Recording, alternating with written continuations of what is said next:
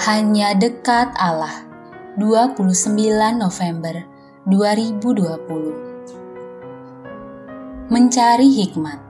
Amsal 10 ayat 23 hingga 25 Berlaku cemar adalah kegemaran orang bebal, sebagaimana melakukan hikmat bagi orang yang pandai apa yang menggentarkan orang fasik, itulah yang akan menimpa dia. Tetapi keinginan orang benar akan diluluskan.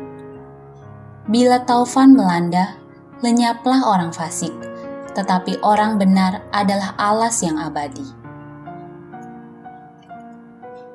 Demikianlah paparan penulis kitab Amsal. Dan memang itulah yang terjadi. Orang bodoh senang berbuat salah dan orang bijaksana gemar mencari hikmat. Kebodohan seseorang membuatnya senang berbuat salah.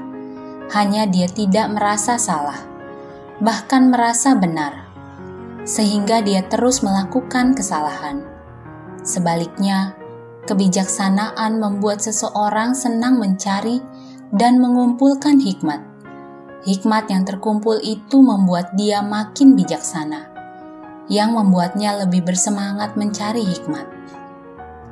Akibatnya, dalam Alkitab Bahasa Indonesia masa kini tertera, orang tulus mendapat apa yang diinginkannya, orang jahat mendapat apa yang paling ditakutinya.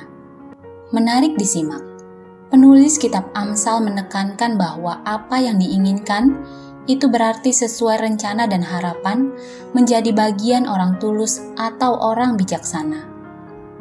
Mengapa? Sebab hidupnya memang penuh dengan perhitungan dan harapan, jauh dari kesalahan yang membuatnya bisa gagal. Kalaupun ada kemungkinan gagal, semua telah diantisipasi dan siap dikelola. Beda halnya dengan orang jahat, karena nggak pernah merasa salah, apa yang dilakukannya selalu dirasa benar, membuat dia tidak merasa perlu memperhitungkan risiko dan akhirnya kegagalanlah yang didapatnya.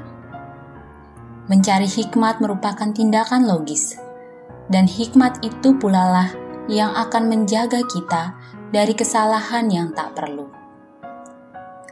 Salam semangat dari kami, literatur perkantas nasional. Sahabat Anda bertumbuh.